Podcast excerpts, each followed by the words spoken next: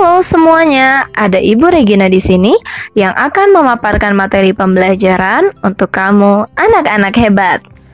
Kali ini kita akan belajar tentang kerjasama negara anggota ASEAN dalam bidang sosial.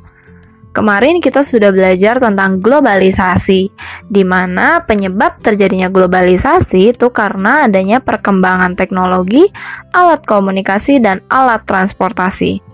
Dengan ketiga hal itu, kita dapat merasakan dunia ini sangat sempit sekali dan dunia ini tidak terbatas oleh apa pun. Nah, maka dari itu, globalisasi ini memudahkan kita untuk menjalin kerjasama antar negaranya. Nah, anak-anak, dalam bidang sosial, kita terkadang sering merasakan adanya bencana alam, baik di Indonesia maupun di negara lain. Nah, kita juga terkadang kekurangan uh, sarana dan kualitas kesehatan. Begitupun di negara-negara lain.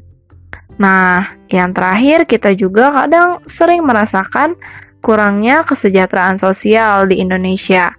Nah, maka dari itu, dengan adanya ASEAN, kita dapat bekerja sama dengan mereka. Dengan adanya globalisasi, kita akan bekerja sama dengan negara-negara anggota di ASEAN.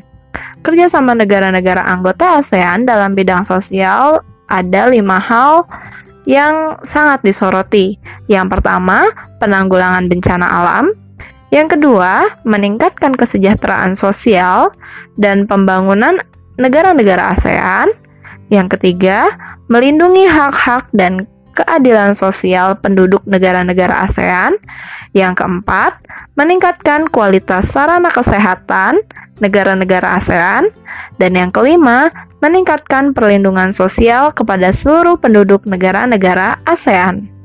Wah, ternyata banyak ya kerjasama yang dijalin oleh negara-negara anggota ASEAN dalam bidang sosial.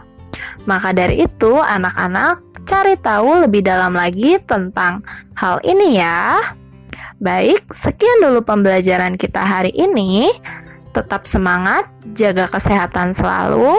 Sampai jumpa di pembelajaran berikutnya. Dadah.